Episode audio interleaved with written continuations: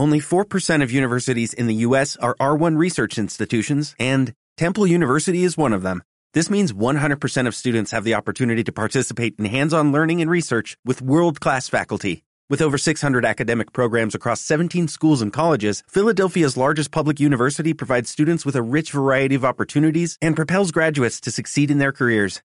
Temple University. Schedule a campus tour today at admissions.temple.edu/visit.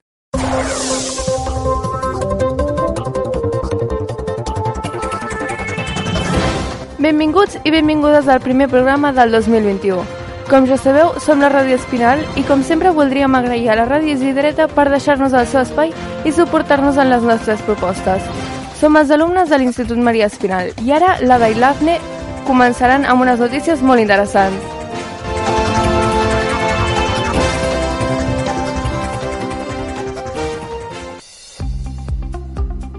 Benvinguts i benvingudes. Som l'Ada i la Dafne i aquestes són les notícies. Galícia sacrifica 3 milers de bisons. El govern de Galícia confirma que sacrificaran 3.100 bisons americans per culpa d'un brot de Covid a una granja. No és la primera vegada que aquests animals s'infecten de coronavirus, ja que una altra gran granja també es van haver de sacrificar una gran quantitat de bisons per la mateixa raó. Joe Biden va a poc a poc despent el que Trump va construir. L'objectiu d'en Biden a curt termini és revisar i majoritàriament treure les restriccions imposades per Donald Trump. I, a llarg termini, termini el seu objectiu és legalitzar quasi 11 milions d'immigrants no documentats que viuen al país. Aquest dimarts 2 de febrer, en Biden ha signat tres decrets que acaben amb la política de separació de famílies no documentades sota la custòdia d'autoritats federals. També renuncia a les devolucions dels peticionaris d'asils, que ara estaven esperant en Mèxic, en Mèxic a causa de Trump. Els bombers i la Guàrdia Urbana s'incorporen al 112. La Generalitat ha decidit col·laborar amb aquests serveis per integrar-los als sistemes de telèfon d'emergències. Ara, quan algú necessiti els seus serveis urgentment, el missatge els arribarà molt més ràpid. Això resulta molt pràctic i ajudarà a poder respondre molt més ràpid a certes emergències. Considerem demanar a Rússia les seves vacunes? La falta de vacunes provoca ansietat a la Unió Europea. Els caps de l'Estat es reuniran virtualment el 25 de febrer per intentar mantenir la unitat en aquests moments tan difícils i discutir els que està fent la falta de vacunes. Resulta que la falta de vacunes està portant a molts països a obrir la possibilitat d'utilitzar la que han desenvolupat a Rússia. Josep Borrell, que és un gran representant, que és un alt representant de la política exterior, viatjarà aquest divendres 5 de febrer a Moscou en un ambient una mica temps per culpa dels últims esdeveniments polítics a Rússia. Moltes gràcies per escoltar. Esperem que tingueu un bon dia. Gràcies, Ada i Dafne. En aquesta secció següent hem decidit fer un canvi ajuntant les seccions d'històries de confinats i confinats del ME. Oi, Adrià? Així és. Es veu que has entrevistat a una alumna de l'institut que va estar confinada. Exactament. Avui tenim la transcripció aquí a l'estudi eh, que vam fer a una, eh, a una alumna del G42 i l'Ada m'ajudarà a portar aquesta entrevista doncs, a tots vosaltres. Així que, bé, la primera pregunta és com van viure la notícia del positiu a la classe G30, eh, G42? I l'alumne diu que va ser molt frustrant per molta gent. I després també vam preguntar-li com van reaccionar els convivents, tota la gent que vivia amb aquests confinats. Es van adaptar com van poder, però realment no va ser cap problema. Eh, també vam preguntar-li com s'han seguit les classes durant aquests 10 dies de confinament. Realment les classes en si no s'han seguit, però sí que ens han anat enviant les tasques que es feien a cada classe a l'hora que les hauríem tingut. El problema és que moltes classes es fan conjuntes amb tot quart. Per tant, s'han seguit fent mentre el meu grup era a casa. Tot i així, s'ha pogut seguir fent a poc a poc i amb ajuda de companys i companyes que sí que eren presents. I lligat a aquesta pregunta anterior, eh, creus que el mètode ha funcionat? I l'alumne creu que sí, que realment en aquest sistema és molt millor que no fer classes online, ja que et permet organitzar-se com et vagi millor. També eh, vam preguntar-li com va viure aquells dies, els primers de tots. A ella no li va suposar molt problema aquest confinament, també pensen que només van ser 4 dies, per tant va tenir temps per relaxar-se i deixar una mica tot l'estrès de l'institut. I aquest sentiment dels primers dies, suposo que el primer, segon o així, eh, devia evolucionar al, cap al final del confinament? Um, al principi no, però al final ja vaig ja necessitava sortir de la casa, però en general no es va pas, no s'ho va passar malament. Què va ser el primer que va pensar l'alumne eh, quan va sortir al carrer per primer cop després d'aquest confinament? Um, no va ser així perquè només ens vam confinar quatre dies i vaig sortir entremig per bueno, entremig per fer la PCR, però no va ser tampoc res especial. I com ha estat aquesta tornada a classe? Ha estat molt dinàmica. També el grup ja havia estat confinant un cop, però crec que en general no se'ns ha fet difícil. I per últim, una pregunta que farem a tots els entrevistats d'ara endavant, que esperem que no siguin molts, que resumeixin el confinament en una sola paraula. Calma. Bueno, sens dubte una entrevista interessant, profitosa i que, com ja he dit, espero no haver de repetir gaires vegades més, que això vol dir que no hi ha gaire més confinaments. Moltes gràcies i ens veiem a la pròxima entrevista. Adeu! Gràcies, Adrià i Da- i Ada, per portar-nos aquesta informació sobre classes confinades, però a part d'aquesta classe també va estar la classe G34 de tercer. Eh, ara tornem amb l'Adrià, però amb la seva TDM.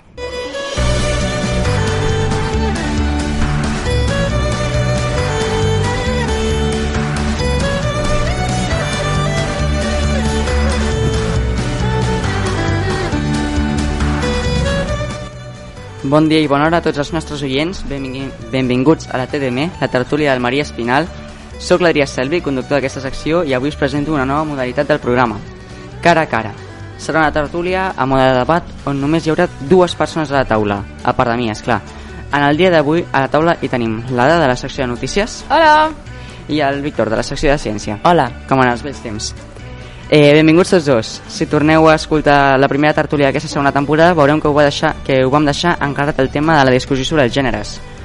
Per, la, eh, per al tema d'avui tinc una pregunta que em respondreu tots dos, us sembla?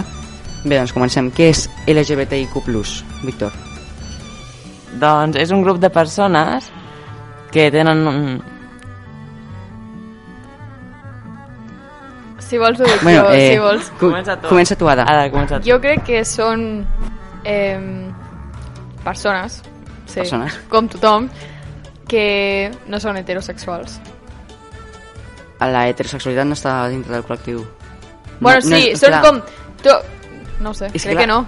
Clar, s'hauria de buscar això. No, LGTBT... Bueno, no està... Bueno, és que el En plus, el plus, clar, claro. el plus... Jo Pues mira, no sé, jo crec que són pues, la manera en la que la gent se sent atraïda cap a altra gent, persones, animals, el que sigui. Eh, I tu, Víctor? Doncs és un grup de persones que estan organitzats per, decla- per demanar els seus drets, que tenen bastants pocs, en, en molts països del món tenen bastants pocs, Perdó. Vale. Eh, bueno, No, són persones que els agraden, que es, es treuen de la normativa, que Ja, no ja, són però- part de, de, de lo... Allà, però el col·lectiu en si s'ha organitzat per, per demanar sobre els drets que tenien molts No pocs. s'ha organitzat per A veure, això. un- un moment, un moment, un S'ha moment, organitzat un moment. perquè... Per què s'ha organitzat? És que no s'ha organitzat per, res. sí, per, En plan, aquí, sí que s'ha organitzat, però... Ada, eh, de- deixeu-me treure jo aquí diverses coses. Han sortit diverses paraules, han sortit que són persones, ha sortit que és un grup organitzat, eh, ha sortit que és un col·lectiu organitzat. Llavors et pregunto, què vol dir organitzat? En què s'han organitzat? Perquè un, col·lectiu... organitzat perquè els agradin... És que no, Clar, un col·lectiu són organi- així, ells naturalment. Clar, un col·lectiu Ja. organitzat... Nosaltres, naturalment. Ja, ja. un col·lectiu organitzat s'organitza doncs, per muntar manifestacions. Ja. Llavors, les manifestacions eh, antihomofòbiques sí que és, estan formades per un col·lectiu organitzat, però els LGTBIQ+, eh, per si sols, no són un col·lectiu organitzat. Per si no, sols no, però un Llavors, col·lectiu com, sí que són com es definiries? Com un grup de persones. Jo eh, ho sento, però jo no m'he apuntat a ninguna llista per estar en un grup, eh? Jo sóc i ja està, jo sóc un individu, eh? jo sóc una... Ja, ja, no, òbviament, òbviament. Ja està, doncs m'estàs dient que formo part d'un No, no, col·lectiu. no, no. És que un col·lectiu és un grup de persones, és la definició de col·lectiu, grup de persones. I si no vull estar en el grup però igualment segueixo sent LGBTI? És que Tu no pots decidir no estar en un col·lectiu. vale, no, bueno, de fet, sí. Sí sí, que puc! sí que pots escollir, perquè, perquè tu, ningú t'obliga. Clar, ningú t'obliga a entrar a un col·lectiu o a sortir d'un col·lectiu.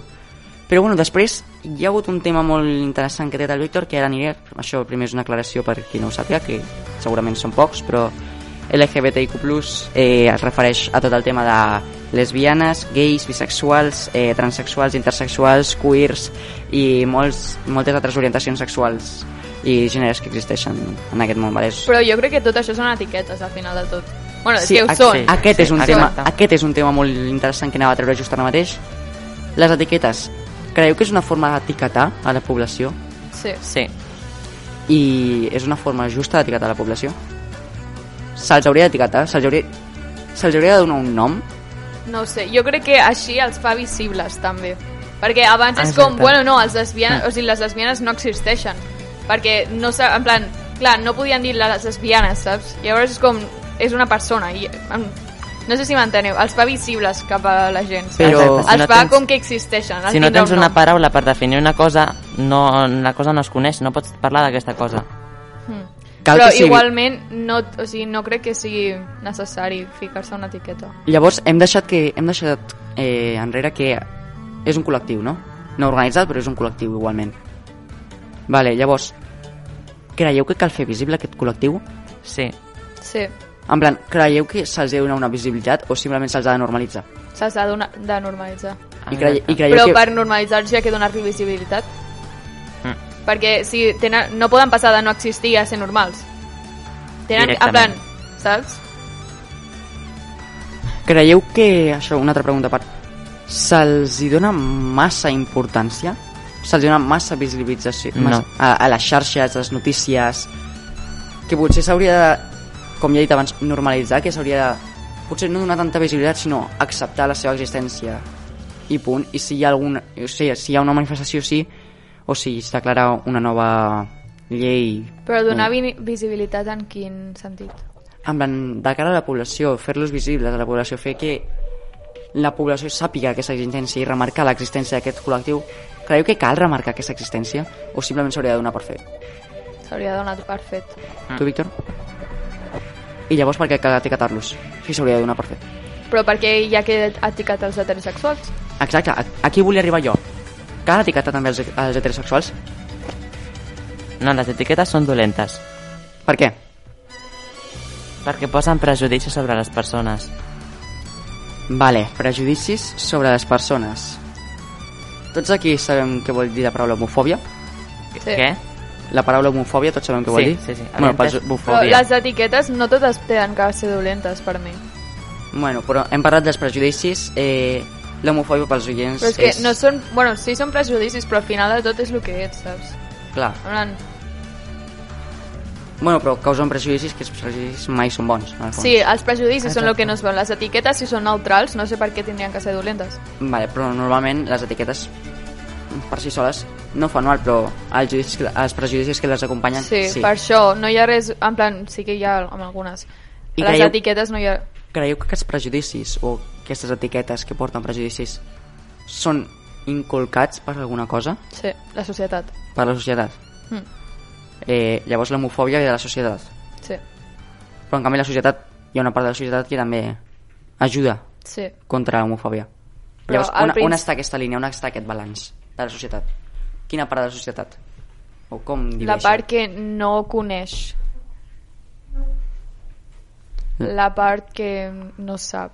O sigui, que mai ha viscut en això i de sobte els hi ve això de fora i diuen, bueno, no, saps? I després, creieu que aquesta homofòbia que és eh, por o ràbia contra l'homosexualitat en aquest cas, però jo m'hi refereixo com a tot el col·lectiu en el fons, eh, ve inculcada també per la religió, per diferents religions, o ve inculcada, inculcada per governs, o per què ve inculcada? Mm, per la Sí. societat una mica, no? Home, ja, però, Però per les per les religions? religions, jo crec que és, en plan, per exemple, la Bíblia, depèn de com la mm, interpretis. Mm. Tot depèn de com ho interpretis. Què passa? Que la gent mm, ho va interpretar d'una manera i ho van inculcar d'aquesta manera als petits, als seus fills, mm. el que sigui, llavors van créixer aquells fills per ensenyar als fills i així. Llavors, Van a la, la religió en el fons causa prejudicis. Sí. Que pels, pels fidels de la religió en el fons eh, No causa... Depèn de com ho interpretis. Tot. també. Perquè Bueno. no, no causa prejudicis... Bueno, és que a lo millor sí que causa prejudicis, però tothom, eh, tot causa... Però pels, pels fidels no tenen per què ser prejudicis dolents. Per- exacte, sí. Clar, perquè cadascú té un, la seva creença. Mm. Però bueno, jo crec que ho podem deixar aquí. Així que... Vale. Eh, bueno, ens veurem el pròxim cop que vinguem a gravar. I bé, moltes gràcies a tots dos i a tots els companys també. Adeu! Adeu. Adeu.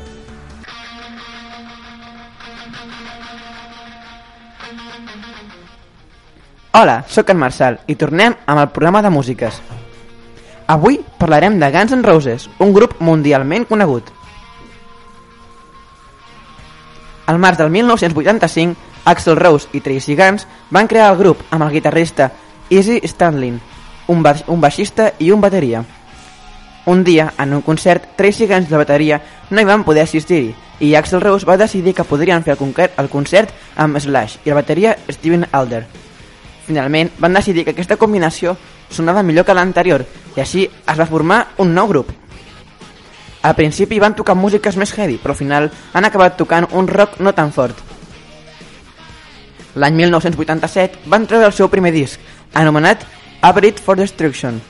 En aquest disc, la banda oferia un hard rock amb riffs agressius de guitarra, influències punk i un so molt contundent. Una de les cançons més escoltades de Guns N' Roses va sortir d'aquest disc, Welcome to the Jungle.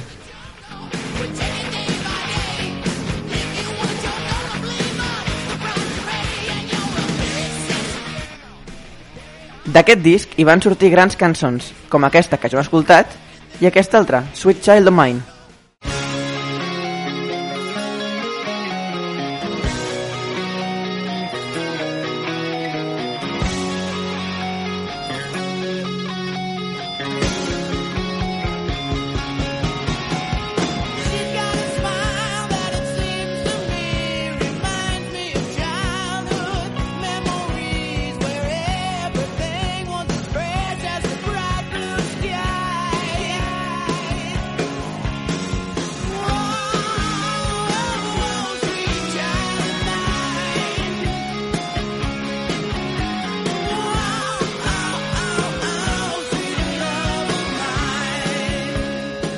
Més tard, Axl Rose va ser acusat de racista, xenòfob i molts més càrrecs per les lletres de les seves cançons, però ell no es va rendir i va continuar als escenaris.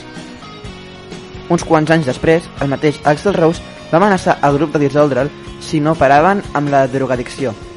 Tot el grup ho va acceptar menys la bateria, que va ser sub- substituït per Matt Sorum. La nova formació es va posar a treballar en el seu àlbum més madur, el doble disc anomenat Use Your Illusion, on va assolir la seva màxima esplendor. I acabem amb un dels temes d'aquest disc, November Rain.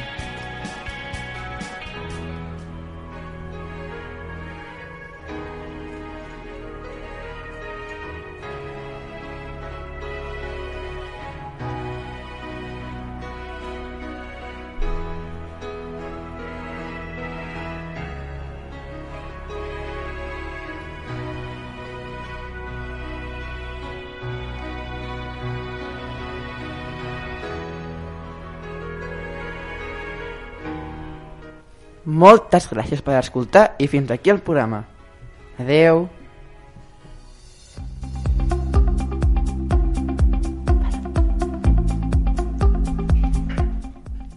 Bon any des de la secció de Ciències. Avui commemoraré la memòria del radiotelescopi de Recibo que es va destruir l'any passat, explicant els seus èxits. El radiotelescopi de Recibo va ser durant tota la seva vida el radiotelescopi més gran del món. Per això, pels que us, estigueu preguntant què és això d'un radiotelescopi, doncs és molt fàcil. És un telescopi que en comptes de veure en el cel amb llum visible, el veu en ones de ràdio. El radiotelescopi estava localitzat a la localitat portorriquenya de Recibo i desgraciadament es va destruir l'1 de desembre per la ruptura d'un cable important de l'estructura del telescopi. Desgraciadament, això era inevitable, ja que la National Science Foundation va decidir desmantellar-lo perquè els anys anteriors eren irreparables. Però ja està bé de deprimir-se, anem a commemorar els seus èxits. Va fer un gran treball en el cap dels púlsars i les estrelles de neutrons. Va fer la primera imatge d'un asteroide i va treballar amb el SETI. Això sí, pel que es coneix millor és pel missatge de Recibo. El missatge és l'intent actual més important de comunicació terrestre que s'ha fet mai. Es va enviar per a commemorar unes recents renovacions. El missatge, que estava en un binari i amb el qual es podia fer una imatge, va ser enviat al cúmul d'estrelles M13 i explica informació bàsica sobre la humanitat. El missatge ha sigut molt lluat i criticat. Els, su els suportadors diuen que com volen esperar que com volem estar esperant, eh, escoltant, perquè si les altres espècies fan, fan el mateix no escoltarem res, però els, que, els detectors diuen que és perillós transmetre tanta informació cap a l'espai perquè no sabem el que podem trobar. Per als que tingueu curiositat, el missatge conté aquesta informació. Els números de l'1 al 10, els nombres atòmics dels elements que fan l'ADN, les fórmules dels compostos químics que fan els nucleòtids, el nombre de nucleòtids i un gràfic sobre la doble hèlix de l'ADN, l'alçada mitjana d'un home, la figura d'un home i la població mundial al moment, un diagrama del sistema solar i el telescopi de Recibo. Moltes gràcies per escoltar. Avui no hi ha temps per, per, per preguntes. Per tant, les preguntes les heu de fer a Google.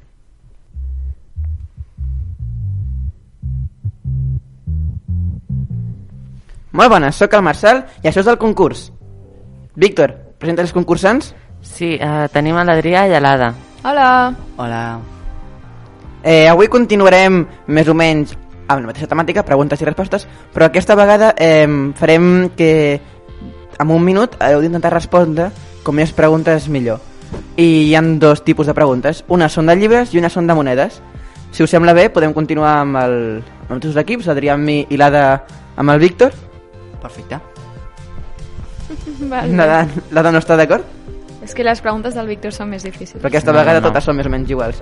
Eh, d'acord. Eh, Víctor, vols decidir que ho fem a sorts qui fa llibres i qui fa monedes o ho tries tu? Uh, bueno, mira, ara mateix t'ho dic ràpidament.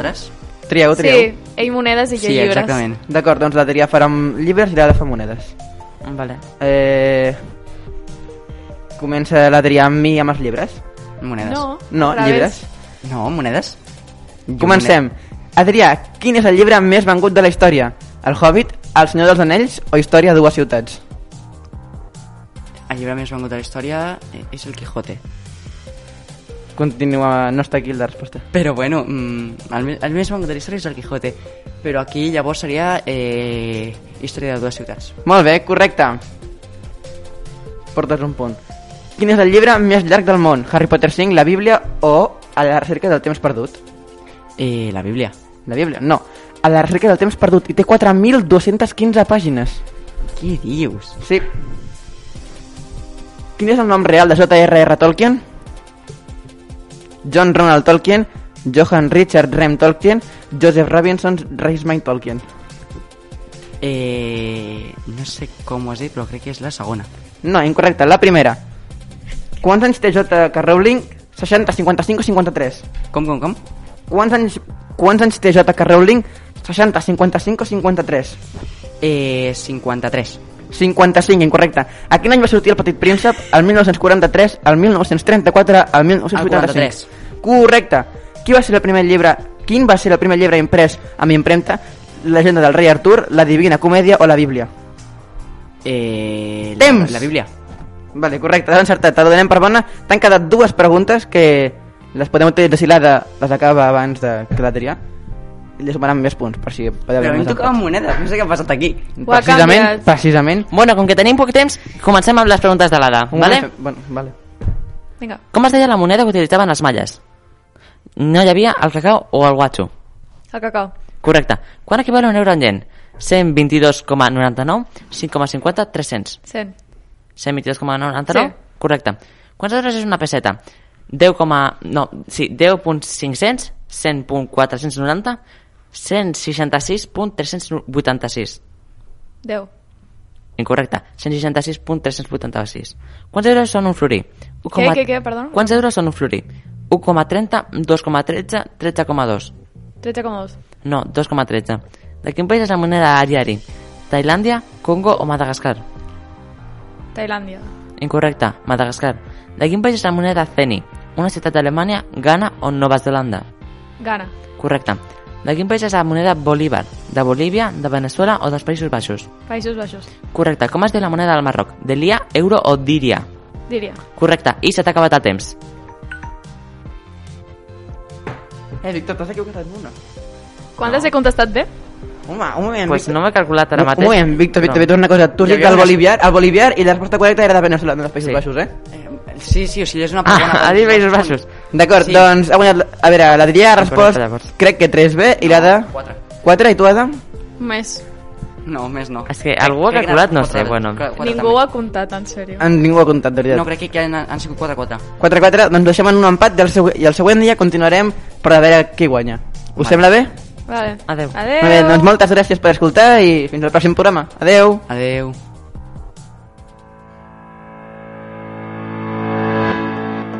Vale, comencem la secció de coses de l'iris o animals en perill d'extinció. Avui parlarem sobre les 5 diferents races i úniques races de rinoceront que hi ha en el món. Començarem pel rinoceró blanc, que compta amb 18.000 exemplars, de la qual el 90% estan protegits. La, super, la supervivència dels, de la subespècie del rinoceront blanc del nord està, perdent, està pendent d'un fil, ja que només queden dues fam femelles estan fent investigacions amb, amb embrions i material genètic d'un rinoceront mascle per, uh, per portar cap una fecundació in vitro per reviure la subespècie. A continuació, el rinoceront negre, que compta que és el rinoceró que coneixem més, que és el que compta amb dues banyes a la part frontal del cap. El tenir dues banyes a la part frontal del cap és un dels rinoceronts amb bastant més perill d'extinció, ja que està el cacen més per vendre els, les banyes al mercat negre i d'aquesta espècie només queden bueno, hi ha 5.630 exemplars a continuació, el rinoceront java. El més amenaçat, aquesta espècie al 2019 tenia una població de només 72 exemplars. Com viuen en un entorn controlat, les seves necessitats es poden controlar de manera individual i tampoc hi ha perill de ser abatuts per caçadors furtius. A continuació, el rinoceront indi. El seu brit ja ha tingut èxit per parts iguals. A principis del segle X, del segle XX, només hi havia 200 exemplars que van sobreviure en, en una època de caça i pesticides agrícoles, però gràcies a les estrictes mesures imposades pels governs de l'Índia i el Nepal, tot i les bones notícies, el... tot i les bones notícies, les cinc espècies de rinocerons que habiten la Terra estan en perill d'extinció. El rinoceró sumatara és l'espècie més petita i peluda dels rinocerons. Aquesta espècie de rinocerons compta amb una població menor de 80 exemplars. En una de les 15, en, un dels últims, en els últims 15 anys només, dues femelles de, en cautivitat han pogut eh, han sigut capaces de reproduir-se. Gràcies per escoltar.